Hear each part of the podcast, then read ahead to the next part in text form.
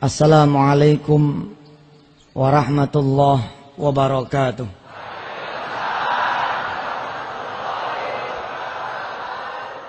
Allahumma salli wa sallim wa barik ala sayyidina Muhammad wa ala alih walhamdulillahi rabbil alamin.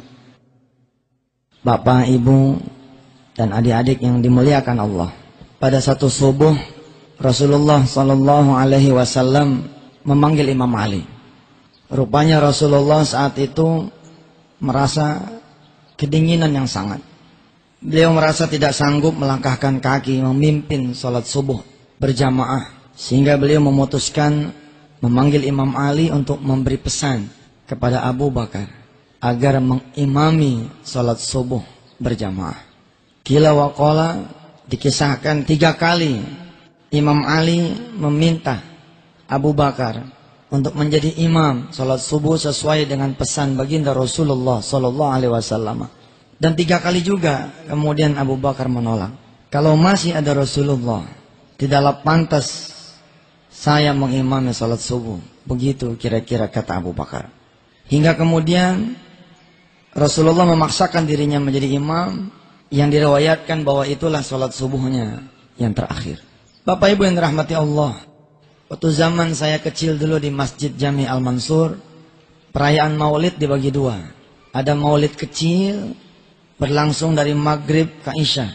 Kalau tidak salah berlangsung beberapa hari di mana kami-kami yang kecil ini anak-anak madrasah ibtidaiyah, sanawiyah dipakaikan gamis atau kecil nih. Lalu kami berganti-ganti membacakan sirah an-nabawiyah. Kita berganti-ganti membacakan kisah Nabi Allah Muhammad sallallahu alaihi wasallam tahun gajah sampai kemudian meninggalnya beliau sallallahu alaihi wasallam. Baru pada puncaknya diselenggarakan yang disebut dengan maulid besar. Kalau maulid besar diselenggarakannya di depan masjid dengan mengundang banyak jamaah dari mana-mana. Nah, dari sisa memori saya, inilah kemudian saya ceritakan ulang kepada adik-adik saya, kepada kita semua. Mudah-mudahan di peringatan hari maulidnya Rasulullah Sallallahu Alaihi Wasallam ini ada tumbuh kecintaan di hati kita semua karena Rasulullah mencintai kita. Berangkatlah kemudian Rasulullah berjalan untuk mengimami sholat subuhnya. Yang ternyata itu sholat subuh yang terakhir. Di dalam sebagian riwayat dikisahkan ketika Rasulullah mengucapkan salam. Beliau langsung menghadapkan mukanya. Menghadapkan wajahnya kepada para jamaahnya. Kepada para sahabatnya yang saat itu sudah berlinang air mata semua. Karena mereka merasa bahwa jangan-jangan Rasulullah Sallallahu Alaihi Wasallam sudah akan meninggalkan mereka. Begitu selesai salam, Rasulullah langsung menghadapkan wajahnya kepada para sahabatnya dan membacakan ayat terakhir surah Al-Kahfi, surah ke-18 ayat 110. أعوذ بالله من الشيطان الرجيم. قل إنما أنا بشر مثلكم. يوحى إلي أنما إلهكم إله واحد. فمن كان يرجو لقاء ربه فليعمل عملا صالحا ولا يشرك بعبادة ربه أحدا Para sahabat yang mendengar ayat ini dan mengerti paham isi ayat ini makin menangis. Di antaranya Abu Bakar radhiyallahu an. Kul innama ana basyarum mithlukum. Yuha ilayya annama ilahukum ilahu wahid. Faman kana yarju liqa'a rabbih falyamal amalan salihan wala yushrik bi'ibadati rabbih ahada. Katakan wahai Muhammad sesungguhnya aku ini adalah manusia yang sama seperti kalian Seolah-olah Rasulullah ingin berkata kepada kita semua umatnya. Kalau Rasulullah adalah manusia biasa yang butuh makan. Kalau Rasulullah adalah manusia biasa seperti kita yang butuh minum. Maka Rasulullah pun adalah manusia yang hidup yang suatu saat akan meninggal dunia. Faman kana yarju rabbih falyamal amalan salihan wa la yusyrik bi'ibadati rabbih ahada. Barang siapa yang ingin ketemu Allah Tuhannya, hendaklah dia banyak-banyak melakukan amal saleh dan jangan mempersatukan Allah dengan sesuatu. Abu Bakar dikisahkan mengingat episode ketika beliau menemani Rasulullah hijrah. Saya berdoa mudah-mudahan ada di antara jamaah yang barangkali belum pernah menunaikan ibadah haji atau umrah. Mudah-mudahan Allah takdirkan bisa berangkat ke tanah suci. Ada gua Thur di sana. Allah kemudian wahyukan kepada Nabi Muhammad untuk istirahat di dalam gua itu.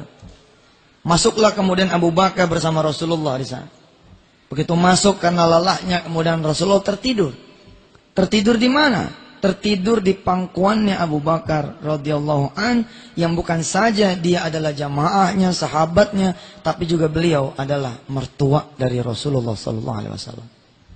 Ketika Rasulullah tertidur di pangkuan Abu Bakar, ada ular.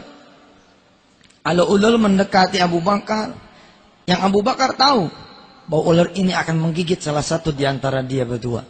Dia atau Rasulullah sallallahu alaihi wasallam. Karena yang terjulur kakinya adalah Abu Bakar.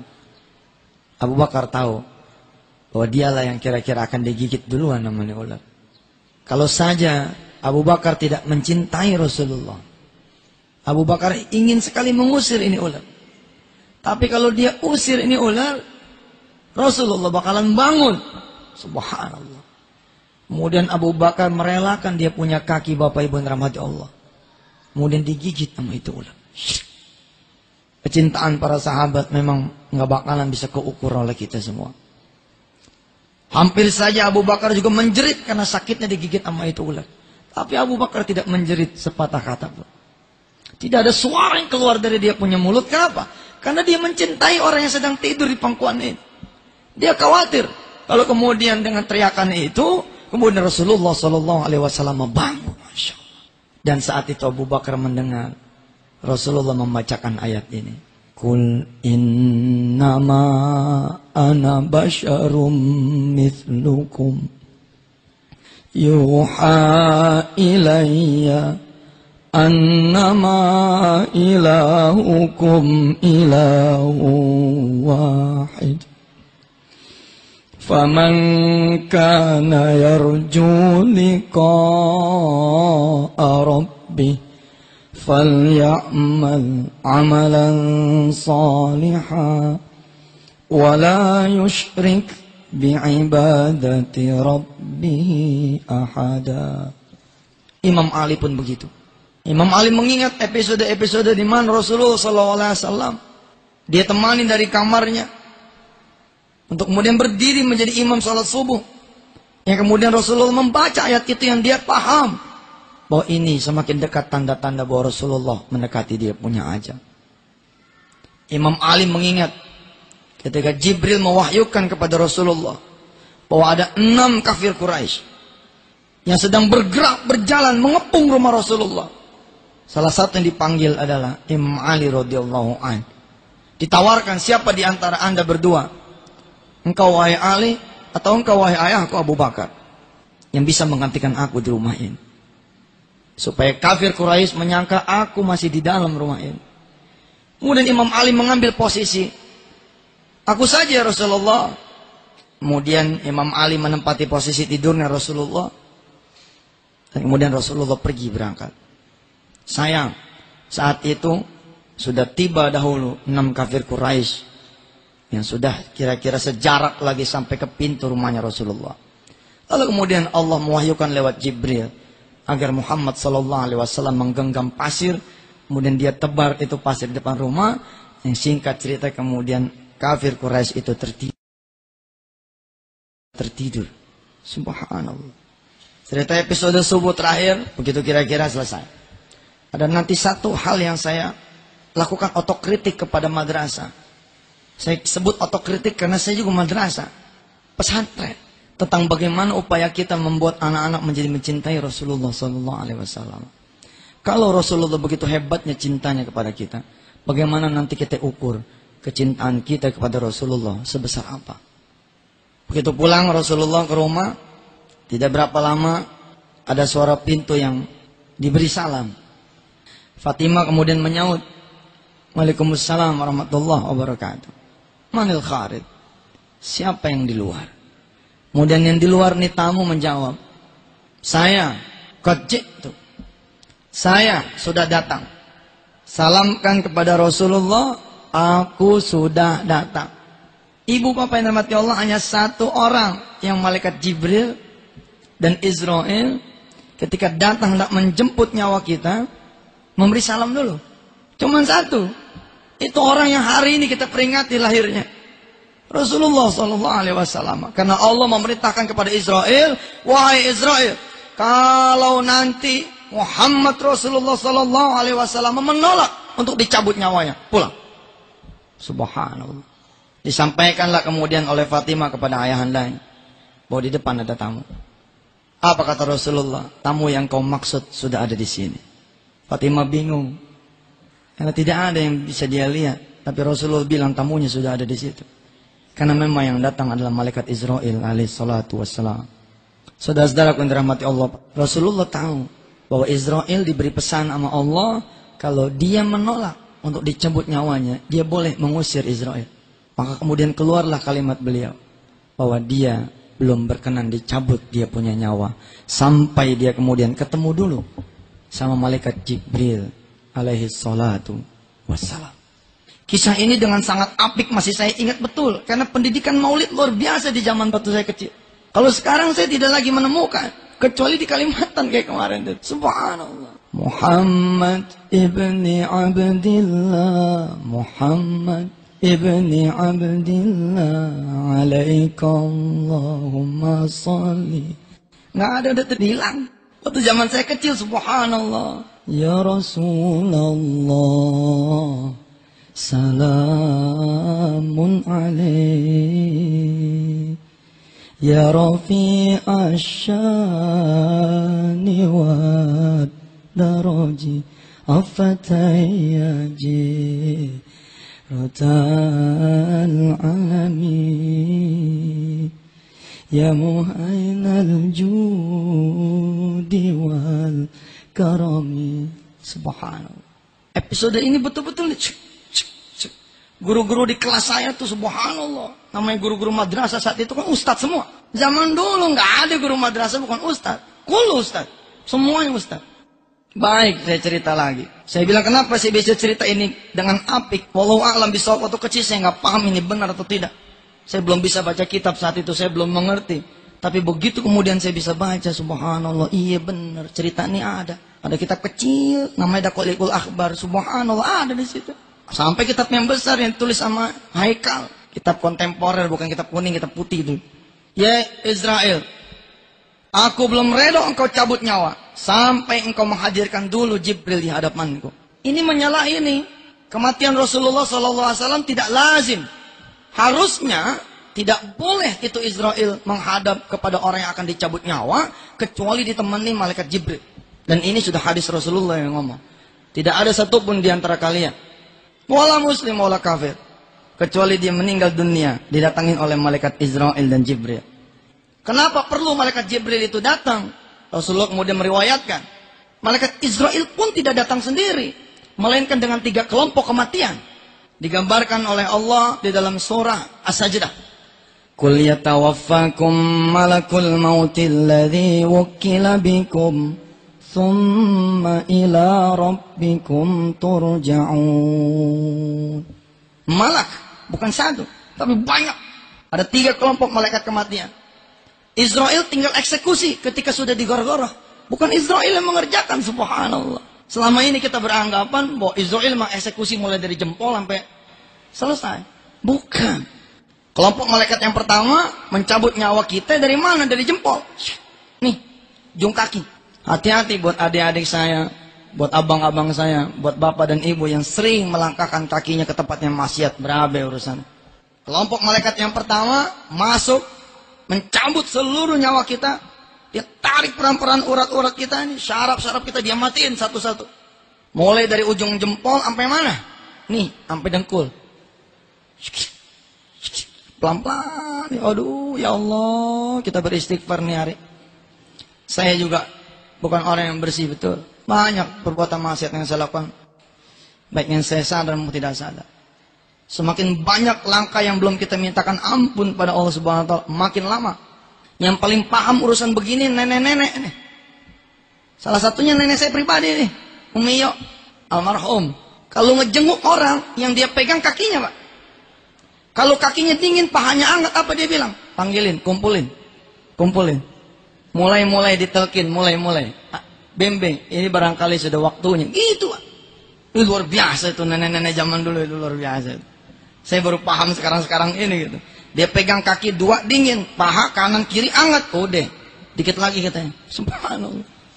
Dikit lagi bisa tahu gitu. Dari mana dia taunya? Min ayatil maut. Dari tanda-tanda maut dan emang itu ada. Selesai mencabut nyawa, tugas dari malaikat kematian yang pertama, masuk kemudian malaikat yang kedua. Mencabut nyawa dari mana ke mana? Dari dengkul Sampai ke mana? Ada yang bilang pinggang, ada yang bilang pusar. Selesai dari pusar sampai mana? Sampai ke sini nih, tenggorokan ya. Kalau dalam bahasa kitabnya disebut gar-gar. Nah di sini ini baru kemudian Israel sama Jibril maju dia itu berdua. Jibril sama Israel datang dia berdua. Lalu kemudian Israel mempersilahkan malaikat Jibril maju dulu. Untuk ngapain? Kata Sayyidina Rasulullah Sallallahu Alaihi Wasallam. Kalau yang didatangin ini adalah suami yang menyayangi istrinya. Memberi rizki dengan jalan halal. Taat dia beribadah. Sholatnya ada. Senang dia minta ampun. Kalau yang dia datangi kata Rasulullah adalah seorang anak yang taat pada orang tuanya. Mahabbah dia menggurunya. Dia jaga dia punya sholatnya.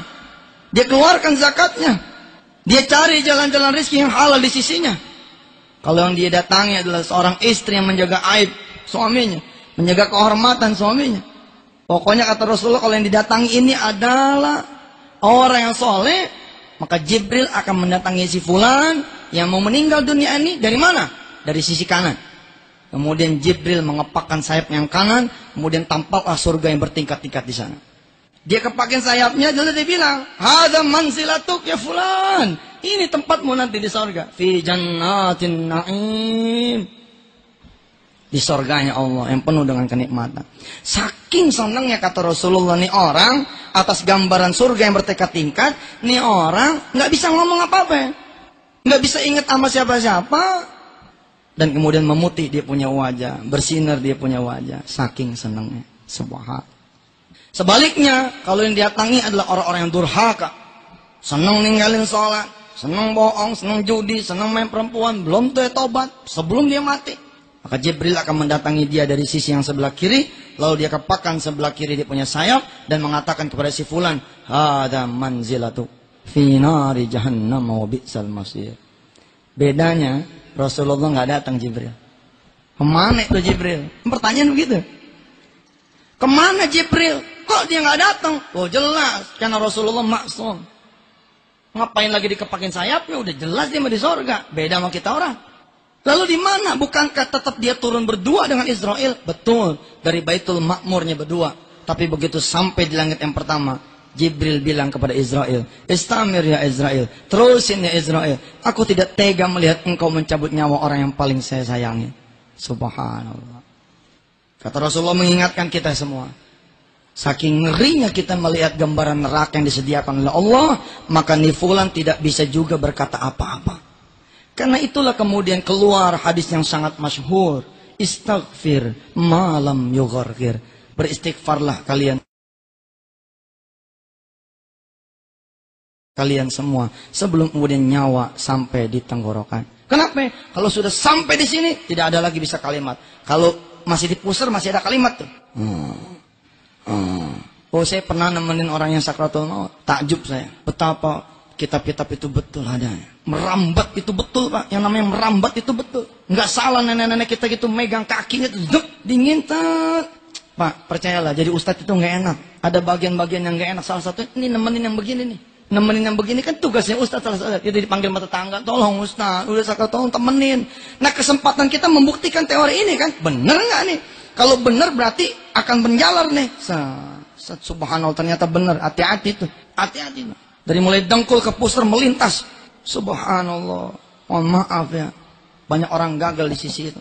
Makanya kata Rasulullah, kalau nyawa belum nyampe tenggorokan, kesempatan kita istighfar. Istighfir malam yogorbir. Istighfarlah sebelum nyawa sampai di tenggorokan. Tapi Rasulullah beda. Jibril nggak datang. Rupanya Jibril nyangkut di langit yang pertama. Tapi karena Rasulullah saat itu minta untuk menghadirkan Jibril, akhirnya tidak ada pilihan buat Israel. Kecuali dia naik lagi ke langit yang pertama. Mengundang lagi Jibril datang. Pak, dulu saya menikmati kisah ini sangat asik betul. Saya dengerin seperti bernostalgia ke belasan tahun yang lalu. Usia saya sudah 31, tapi rasanya kemarin masih kelas 1 sanawiyah. Ya. Pakai gamis depan, bengong itu ngeliatin guru-guru kita cerita tentang maulid. Betul itu Pak. Kenapa dulu maulid kecil dibikin tujuh hari? Kan emang gak habis ceritanya cuma satu jemaah. Jadi bersambung nih kita maulid. Kita maulid nggak cuma hari ini aja. Bapak Ibu rahmati Allah, Jibril diundang sama Israel, datang datang. Begitu beliau ada di hadapan Rasulullah, bertanyalah Jibril, ada apa ya Rasulullah engkau memanggil diriku? Kita lihat ya. Apakah Rasulullah sengaja menjeda dia punya umur jangan diambil karena pengen panjang umur? Ternyata bukan. Beliau pengen bertanya tentang nasib kita bagaimana nanti setelah peninggalannya beliau. Itu yang dia mau tanya. Maka kemudian pertanyaannya kepada Jibril, Wahai Jibril, aku belum rela dicabut nyawanya. Sampai aku tahu bagaimana nasib umatku sepeninggal diriku. Masya Allah. Cinta banget Rasulullah sama kita.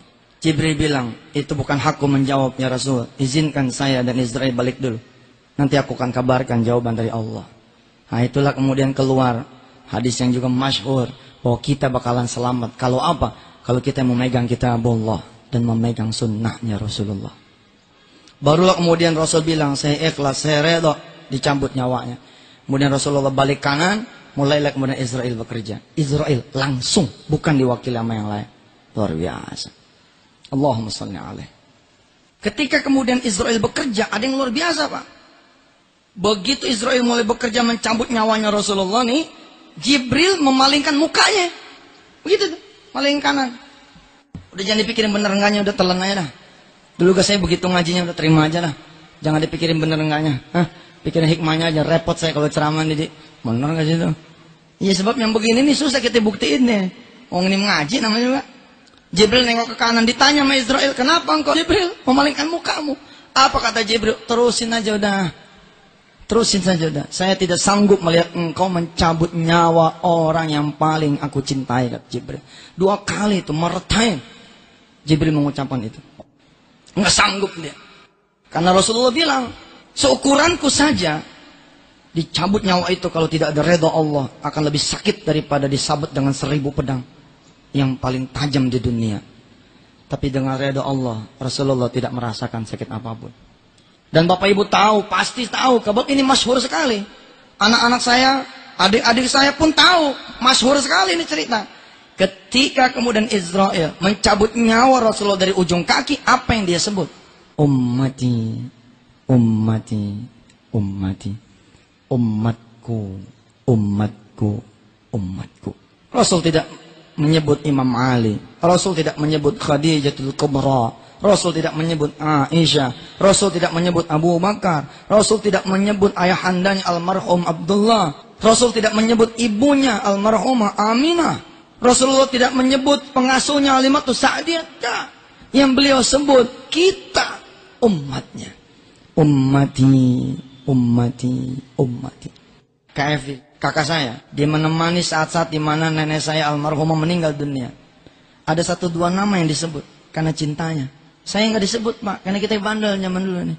Nggak disebut, tapi ada yang disebut. Subhanallah. Di kamar tempat saya lahir, nenek saya meninggal dunia. Beliau nungguin. Ketika ada yang kurang, apa kata beliau? Malam Jumat depan aja kalau gitu meninggalnya. Bisa begitu pak. Wow, ini saya benar cerita ini. Kalau saya bohong berarti dia yang bohong tuh. Karena saya diceritakan dari beliau-beliau. Malam Jumat besok aja katanya. Udah dijemput sama kumpi. Udah jemput sama kumpi tapi barangkali karena belum lengkap. Apa beliau bilang? Nanti saja malam Jumat besok. Subhanallah. Emang nenek saya almarhum ini luar biasa. Putrinya Guru Mansur langsung. Kalau saya bukan cucu, tapi buyut. Udah jauh nih. Beliau pernah satu malam manggil saya. Man, cariin Umi obat yang bisa bikin Umi nggak tidur. Gitu. Kalau kita kan nyari obat tidur. Beliau bilang cariin Umi obat yang bisa bikin Umi nggak tidur. Saya tanya kenapa Umi? Umi mah sebel kalau banyak tidur, nggak bisa tahajud. Subhanallah. Kita nyari obat tidur, Pak. Mulailah Israel bekerja, tarik sama beliau urat-urat syaraf Rasulullah, ruhnya Rasulullah. Sampai ke dengkul, kalimatnya masih ummati, ummati, ummati. Umatku, umatku, umatku. Kalau saya Yusuf Mansur, adalah bahagian dari umatnya Rasul dan mengaku umatnya Rasul, maka seolah-olah Rasulullah menyebut saya Yusuf, Yusuf, Yusuf. Oh betul ini. Seolah-olah mau bicara kepada kita, bagaimana lo nanti, bagaimana lo nanti, bagaimana lo nanti. Subhanallah Pak. Begitu nyawa Rasulullah udah didengkul, merambat sampai ke pusat, merambat sampai ke pinggang, kalimatnya berubah. As-salat, as-salat, as-salat. Salat, salat, salat. Ya Allah, hari ini Pak, anak-anak kita gagal kita suruh salat sebab jam 12 masih di kelas Pak. Anak-anak kita gagal kita suruh tahajud sebab 12 tahun dia nggak kenal duha. Sekolahnya doang namanya di madrasah. 12 tahun dia nggak kenal duha. Bagaimana kita mau gampang nyuruhin dia bangun tahajud? Duha yang di pagi hari susah karena tidak dibiasakan oleh kita madrasah-madrasah. Saya keliling Enggak semua madrasah itu mewajibkan anak-anaknya duha. Siapa yang dosa coba kita nih. Anak kita yang madrasah ibtidaiyah 6 tahun. SMP 3 tahun. SMA 3 tahun. Masuknya jam 7. Jalan setengah 7. Jam 9 emang keluar. Tapi bukan buat duha. Buat jajan. Jam 12 dia masih di kelas. Allah manggil. Allahu Akbar. Allahu Akbar. Allahu Akbar. Allahu Akbar di kalimat hayya ala sholah baru gurunya bilang e, kita dengarkan dulu azan ya. Luar biasa. Atas nama wajib ketemu yang wajib kita boleh pilih katanya begitu. Kita wajib nuntut ilmu. Maka kita pilih ini nuntut ilmu sebagai hal yang mengalahkan sholat. Luar biasa. Ilmu mengenalkan anak kita kepada Allah tapi ternyata ilmu sudah menjauhkan dia dari Allah. Hokam, bagaimana mungkin anak kita tumbuh menjadi anak yang berakhlak? Sadar nggak? Kalau tidak ada revolusi pendidikan khususnya di madrasah wah Celaka kita. 12.45 barulah anak kita keluar. Sebagiannya Pak tidak sholat di madrasah. Sebagiannya bahkan tidak betul-betul sholat. Langsung los ke rumah. Karena betul-betul kita tidak menjaga mereka. As-salat, as-salat, as-salat. Mumpung saya bicara di banyak kepala-kepala madrasah. Mumpung saya bicara langsung di depan direkturnya. Mumpung saya bicara di masjid yang kita hormati betul. Yang bisa mengomando ini, habis ini. Tidak boleh anak-anak masuk kecuali sudah sholat duha. Tidak boleh anak-anak berangkat ke sekolah cili dia sudah berwudu. Tidak boleh kemudian anak-anak setengah 12 masih di kelas. Sebentar lagi Allah bakalan datang. Hayo, ama aku nih kepala sekolahnya. Ama saya gurunya. Ayo kita berangkat ke masjid. Tidak terjadi Pak. Pendidikan itu tidak terjadi. Hatta saya di Al-Mansuriyah tidak terjadi itu. Untung saya memiliki orang tua yang luar biasa miring dikit geser. Miring dikit geser. Miring dikit geser. Jam 5 udah diteriakin. Mandi mandi maghrib mandi mandi maghrib. Celaka pak kalau saya nggak ketemu orang tua yang model begini. Sengkilang gitu kalau kata orang Betawi sekilang. Kita di madrasah. Bagaimana nih kalau ceritanya sekolah di SMA Bagaimana nih kalau ceritanya kita sekolah anak kita tuh di SMP mati kita punya anak. 12 tahun dia terbiasa sholat tidak tepat waktu. Bagaimana mungkin dia kemudian tumbuh menjadi orang-orang yang bisa sholat tepat waktu Umur kayak yang depan begini aja nih, maaf nih orang-orang tua saya. Makin ke belakang nih, makin sering kita memberi perintah kepada Allah. Kita sering memberi perintah kepada Allah. Sampai umur kita kayak begini. Perintah apa coba? Perintah tunggu. Hayya.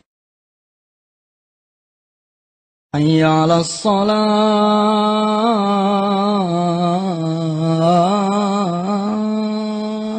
Tunggu ya, saya lagi meeting. Tunggu ya, saya lagi belanja. Tunggu ya, saya lagi dagang. Tunggu ya, saya lagi nyetir. Tunggu ya, saya lagi naik motor. Tunggu ya, saya lagi berburu pekerjaan. Tunggu ya, saya lagi kenalan sama orang. Tunggu ya, saya lagi makan.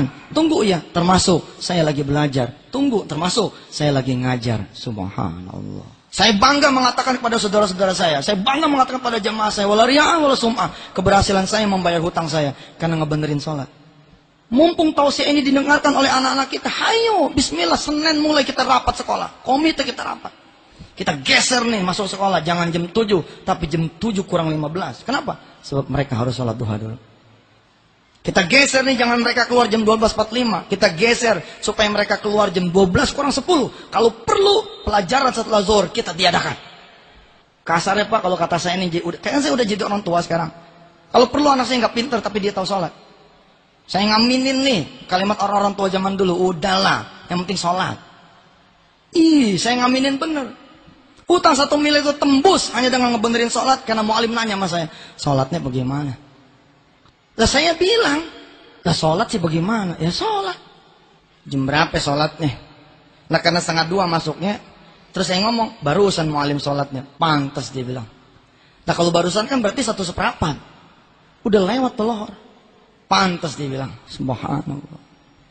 Saya dikejar lagi. Dikejar lagi sama beliau. Tadi sholat lohornya berapa rakaat? Nah, ditanya sholat lohornya berapa rakaat? Iya salam, anak madrasah kelas 1 gak tahu sholat lohor mah empat. Maka itu yang saya jawab. Eh, mualim sholat lohor berapa? Iya empat. Emang berapa? Apa dia bilang? Bukan, sholat lohor itu delapan. Qobliyahnya dua, ba'diyahnya dua. Nggak mi'rat tuh sholatnya nggak mi'rat. Gitu. As-sholatu mi'rajul mu'minin. Sholat itu mi'ratnya orang beriman. Tapi karena sholat kita nggak punya sayap, nggak terbang nih sholat kita. Di tempat gitu. Ibarat mobil mah ada tapi nggak jalan. Ibarat pesawat emang udah hidup mesinnya tapi nggak terbang. Mana bisa nyampe? Masih belum cukup pak. Saya disusul lagi dengan pertanyaan dari beliau. Burung, burung apa katanya? Yang punya sayap tapi dia nggak terbang. Dan kita jawab burung ontak. Apa kata beliau? Bukan. Kalau ada burung punya sayap, dia nggak pakai sayapnya buat terbang. Itu namanya burung bego. Ada sayap dia nggak pakai buat terbang. Sayapnya sholat itu kobliyah bak dia. Kita orang bodoh betul kalau kita nggak pakai ini kobliyah bak dia. Mati-mati disebut sunnatun muakkadatun. Karena kalau kita tinggal dia, celaka kita urusan. Sekarang, bagaimana tanggung jawab kita kepala-kepala madrasah terhadap sholat ba'diyah qobliyahnya anak-anak kita? Kalau terhadap yang wajibnya saja kita merasa tidak mau ikut campur, bagaimana terhadap qobliyah ba'diyah? Momen nih, emang gue tungguin nih ceramah begini nih. Kapan nih? Cerubah kurikulum. Untung kemudian lahirlah SD SDIT, SMP SMP IT, yang kemudian mengusung tarbiyah. Bapak Ibu yang dirahmati Allah. Dengkul sampai pusar, dengkul sampai pinggang, As-salah, as-salah, as-salah. Salat, salat, salat. Sampai pinggang kemari ini alaikum bis-salah. Alaikum bis-salah, alaikum bis-salah, alaikum bis-salah. Wajib atasmu salat, wajib atasmu salat, wajib atasmu salat. Pak, sampai di gor-goroh nih, mestinya dia nggak bisa ngomong. Rasulullah mestinya nggak bisa ngomong seperti yang dia ceritakan di dalam hadisnya.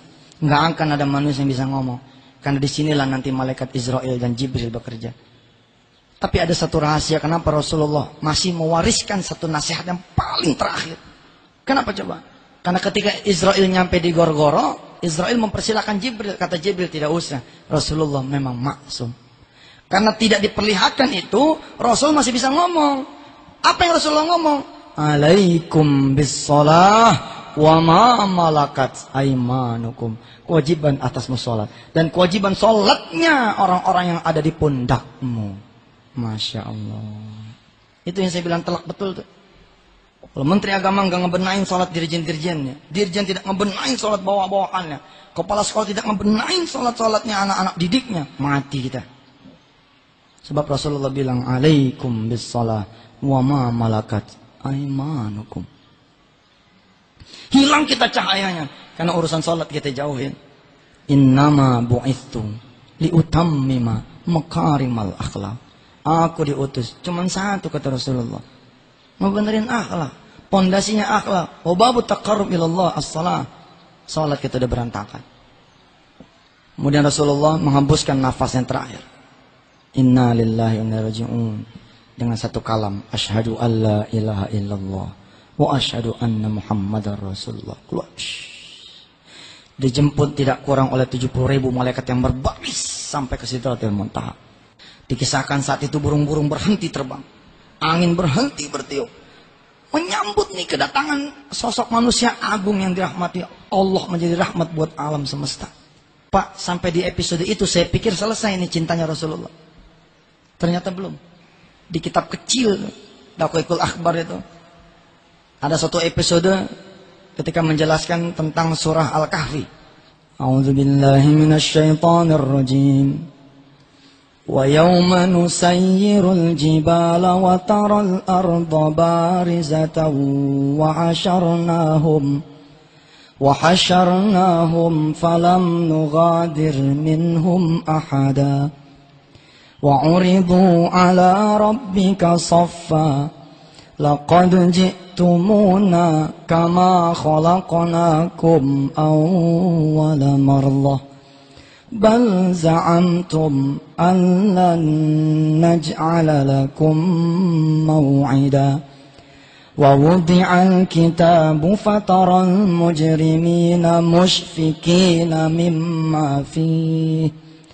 ويقولون يا ويلتنا ما لهذا الكتاب ما لهذا الكتاب لا يغادر صغيرة ولا كبيرة إلا إلا أحصاها ووجدوا ما عملوا حاضرا ولا يظلم ربك أحدا Allah memberitahu pada kita Ada satu masa kata Allah, bumi ini akan datar, kosong.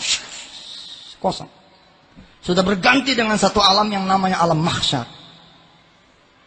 Wa yauma nusayyirul jibala wa taral arda barizatan wa hasyarnahum falam nughadir minhum ahada. Tidak akan kalian temukan kata Allah. Satu pun ciptaanku di sana. Falam nughadir minhum ahada. Kosong. Wa wudi'al kitabu fatarul mujrimina musfikina mimma fihi. Wa uridu ala rabbika saffa. Laqad ji'tumuna kama khalaqnakum awalam marrah. Ketika sudah kosong itu bumi, ketika sudah kosong itu alam yang saat itu kita tidak tahu alam namanya apa alam itu. Kecuali kita diajarkan oleh guru kita bahwa itu namanya alam barzah. Alam mahsyar, tempat dikumpulkan kita. Diambil dari kalimat wahasyarnahum. Isim makannya mahsyar. Kata Allah nanti kalian akan dibangkitkan. Kemudian dikumpulkan. Kalian akan berdiri di hadapanku. Satu pertemuan yang kalian dulu tidak pernah kalian percayai kata Allah. Bapak Ibu rahmati Allah. Kita belajar dari sejarah, kita belajar dari kitab-kitab, kita belajar dari Quran dan hadis bahwa orang pertama yang dibangkitkan itu adalah Rasulullah Sallallahu Alaihi Wasallam. Pak, ada satu kisah yang fantastis. Allah mengutus empat malaikat nih. Allah mengutus empat malaikatnya, malaikat Israfil, Israfil, Mikail, sama Jibril. Untuk ngapain? Untuk mencari kuburan Rasulullah Sallallahu Alaihi Wasallam. Di mana makamnya? Aina makamu? Tapi empat malaikat ini nggak ketemu di mana nih kuburan Rasulullah Sallallahu Alaihi Wasallam. Sampai kemudian Allah memberikan cahayanya di kuburan itu. Sehingga tampaklah cahaya, lalu mereka empat malaikat ini saling berkata satu sama lain, bangunkan, bangunkan, bangunkan, bangunkan. Artinya siapa yang lebih berhak membangun Muhammad? Israel diperintah, apa kata Israel? Nah, yang lebih berhak Israel, Israfil. Mikail begitu juga. Hingga kemudian mereka semua sepakat, Jibril nih yang bangunin Rasulullah Sallallahu Alaihi Wasallam. Begitu Jibril ngebangunin Rasulullah Pak dari tidurnya. Kum ya Khalili, kum ya Habibi. Bangun wahai wahai kekasihku. Bangun wahai kekasih Allah. Kalimat pertama yang diucapkan itu persis seperti kita orang tua Pak yang nanya anak kita di mana. Begitu kita bangun, mah si Wirda mana? Atau Wirda, mamah mana? Seperti itu. Emangnya apa? Kalimat yang diucapkan itu apaan? Kita nikah sama nih tahunnya. Tapi situ anak udah tiga. Sekarang kita cinta nggak? Tadi pagi aja belum tentu nih kita sholat duha. Katanya cinta. Belum tentu kita sholat duha. Aina ummati, di mana umatku? Lalu kemudian Rasulullah nanya, ini hari apa? Jibril menjawab, ini hari sudah dijanjikan oleh Allah. Di mana hari ini malaikat Ridwan menghiasi surga untuk dimasuki oleh orang-orang yang saleh. Di mana hari ini Allah memerintahkan malaikat penjaga neraka untuk memanaskan tungku neraka dan dibuka pintu-pintu itu. Rasulullah nanya lagi, seakan-akan tidak bergeming tentang hari itu. Apa Rasulullah bilang? Aina ummati. Kalau begitu mana umatku? Hayo, Bismillah. Kita bahu membawa menghasilkan anak-anak didik yang berakhlak, yang from the beginningnya adalah sholat. Subhanallah. Sholat nomor satu benar, nomor satu benar. Rindu gitu saya. Di mana anak-anak madrasah, begitu dia jalan menuju madrasah, sudah dalam pakaiannya, pakaian sholat. Kalau dia udah jalan dengan wudhu pak, nggak mungkin dipegangan tangan sama yang bukan muhrim. Sebab dia punya wudhu. Kentut aja dia nggak berani. Bener pak. Kalau orang punya wudhu itu, sejelek apa pun dia punya kelakuan, bener itu. Nggak ada cerita dia bohong, dia ada wudhu. Nggak ada cerita dia pegangan tangan. Maaf ada wudhu. Sekarang pak anak madrasah gampang kita temuin pegangan tangan. Demi nih. Bahkan di alma mater saya sendiri. Ketika saya maulid, Ketika saya datang ke sana, betul. Atas nama megang handphone ngelihat berdua lalu pegang, eh pegang itu. Itu anak madrasah, kita bicara anak madrasah. Saya rindu bagaimana perempuan-perempuan begitu dia masuk madrasah, sudah dalam posisi kayak di pondok begitu, pakai mukena, kayak kota santri gitu dia megang Quran. Cakep. Nggak usah lah bikin toilet, bikin tempat wudhu, sebab dia datang udah berwudhu. Dia tinggal lepas sepatunya, nggak usah copot dia kakinya, tinggal sholat. Salli sunnat duha ini lillahi ta'ala Allah. Lalu bergema di seluruh madrasah begitu selesai sholat. Ya Fattahu ya Razzaku ya Fattahu ya Razzaku ya Fattahu ya Razzaku Ya Fattahu ya Razzaku Ya Fattahu ya Razzaku Ya Fattahu ya Razzaku. Gak bakalan miskin orang tuanya Gak bakalan miskin. Sebab apa? Anaknya 26 hari sholat duha. 26 hari melantunkan Asma'ul Husna. 26 hari mendoakan orang tuanya. Allahumma inna duha duha'u Wal baha'a baha'u والجمال جمال والقوة قوة والقدرة قدرة والإصمة إصمة اللهم إن كان رزقنا في السماء فأنزله وإن كان في الأرض فأخرجه وإن كان مؤسرا فيسره وإن كان قليلا فكثره. وإن كان حراما فطهره بحق دعائك وبائك وجمالك وقوتك آتنا ما آتيت عبادك الصالحين bergema di seluruh madrasah di wilayah kita ya Rob bohong kalau masih miskin bohong bohong Rasul yang bilang, irka'li arba rakaatin akfika akhirahu. Salat untukku empat rakaat wahai manusia kata Allah fi haditsil qudsi. Apa yang menjadi kebutuhanmu? Aku akan cukupkan. Lalu kemudian yang berdoa bukan cuma kita, tapi seluruh anak-anak kita mendoakan kita lewat doanya Pak. Bohong kalau kemudian Allah tidak mencukupi kita.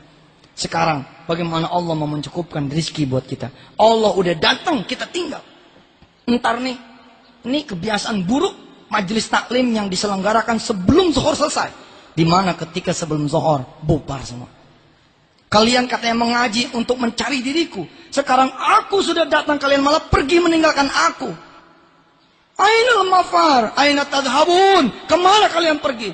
Jitu, aku udah datang. Subhanallah. Dan itulah kesalahan saya jadi ustadz juga gitu. Maka harusnya saya tahan sampai zuhur, biarin. Kita assalamualaikum tinggal naik sholat gitu. Ini nih celaka nih. Kalau saya selesaikan sekarang, niscaya pada pulang. Mending kalau pulang langsung ke rumah, nyampe pas dohor.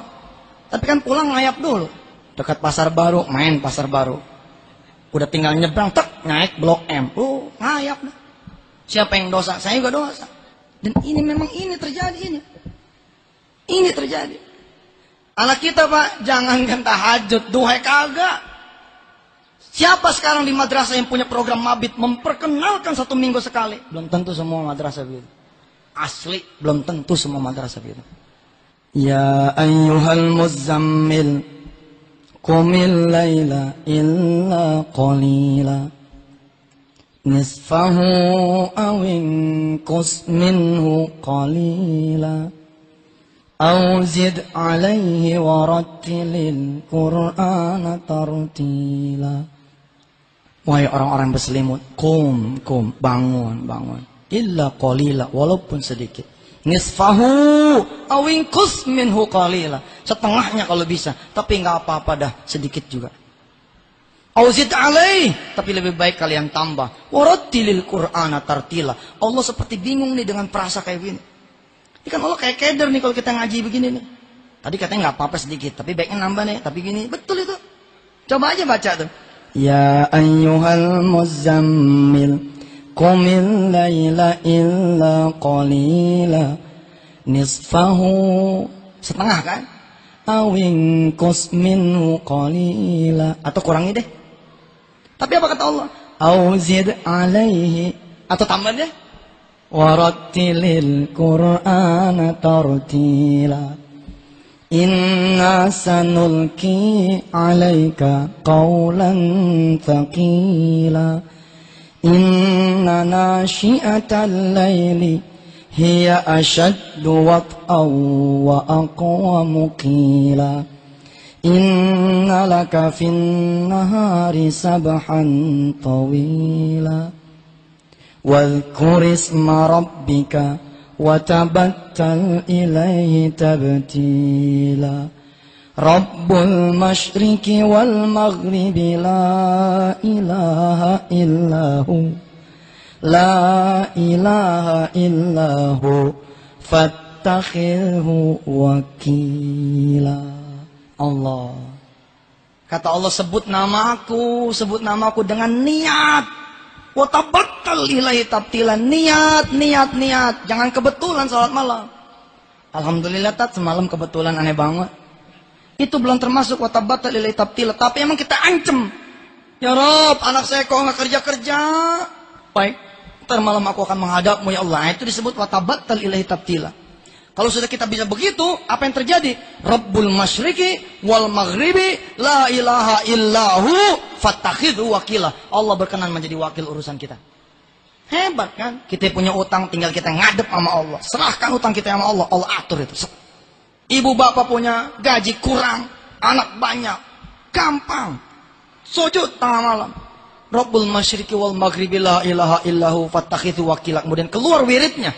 Hasbunallah wa ni'mal wakil. Ni'mal maula wa ni'mal nasir.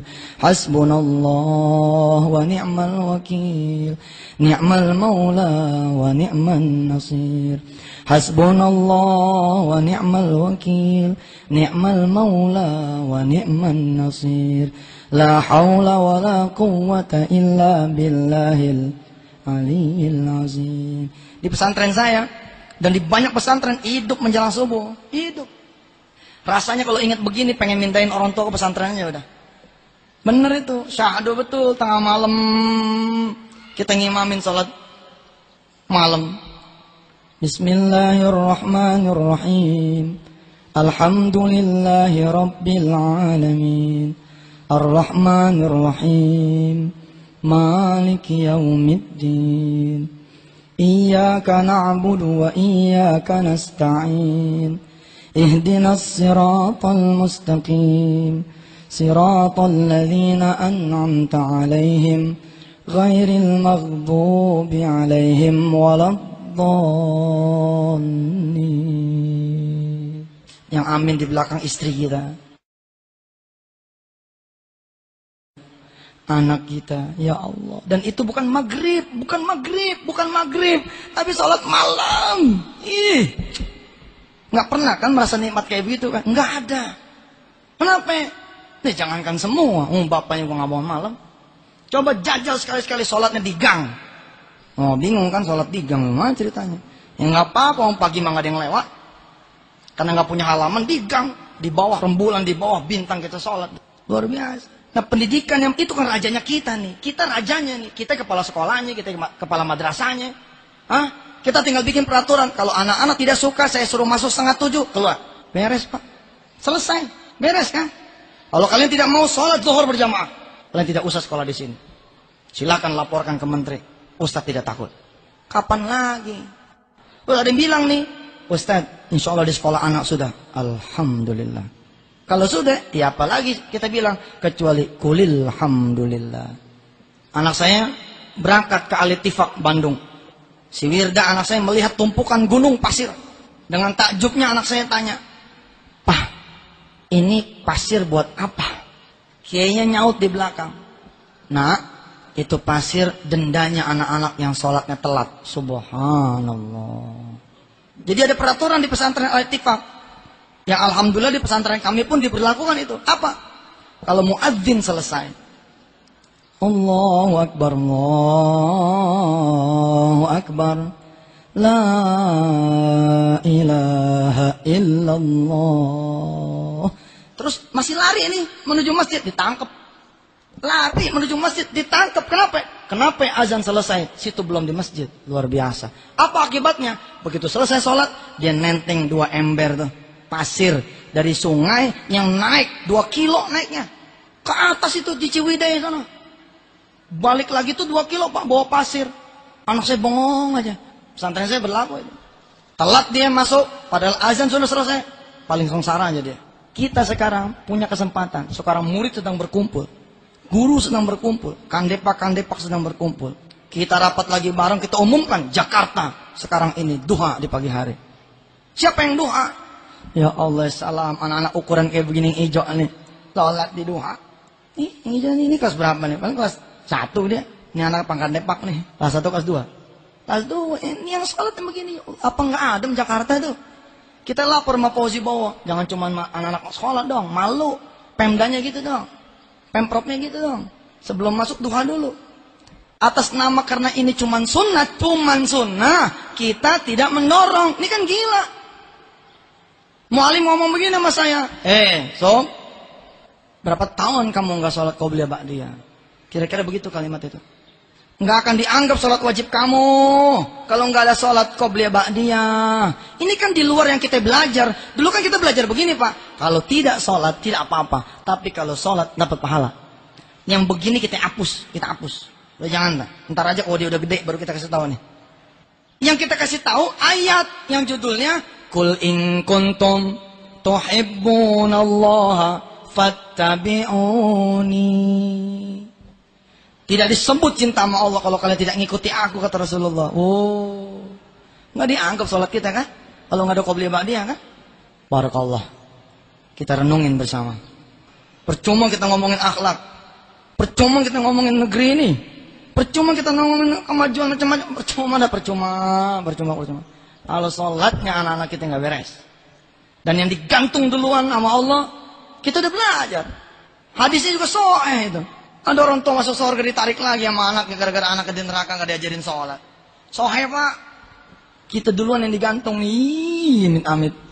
Ma wa'mur ahlaka bis sholat. Wa'mur ahlaka bis sholat. Ahlaka itu ya kita sekarang ini keluarga besar madrasah. Insya Allah, mudah-mudahan Allah redha. Allah aminin. Saya ngomong nih pak, nggak ada tendensi apa-apa nggak ada. Saya godain satu-satu madrasah, saya godain dengan kapital yang sekarang yang kita punya dari duit PPPA namanya. Kita godain. Eh, madrasah, kalau mau dibantu sejuta sebulan, tolong deh anak-anaknya wajibin duha. Sejuta gini hari mahal. Kalau madrasah-madrasah yang emang bayaran polnya sejuta, mau deh. Maaf Pak, ada madrasah yang bayaran pol juga sejuta. Salah satunya madrasah Al-Mansuriyah, madrasah saya. Madrasah Nurul Amin di belakang rumah saya gitu. Muridnya 72, bayarannya 10 ribu. Kalau pol 720. Artinya kalau kita bawa duit sejuta buat madrasah itu per bulan, asal dia duha dulu, oh, welcome betul ya.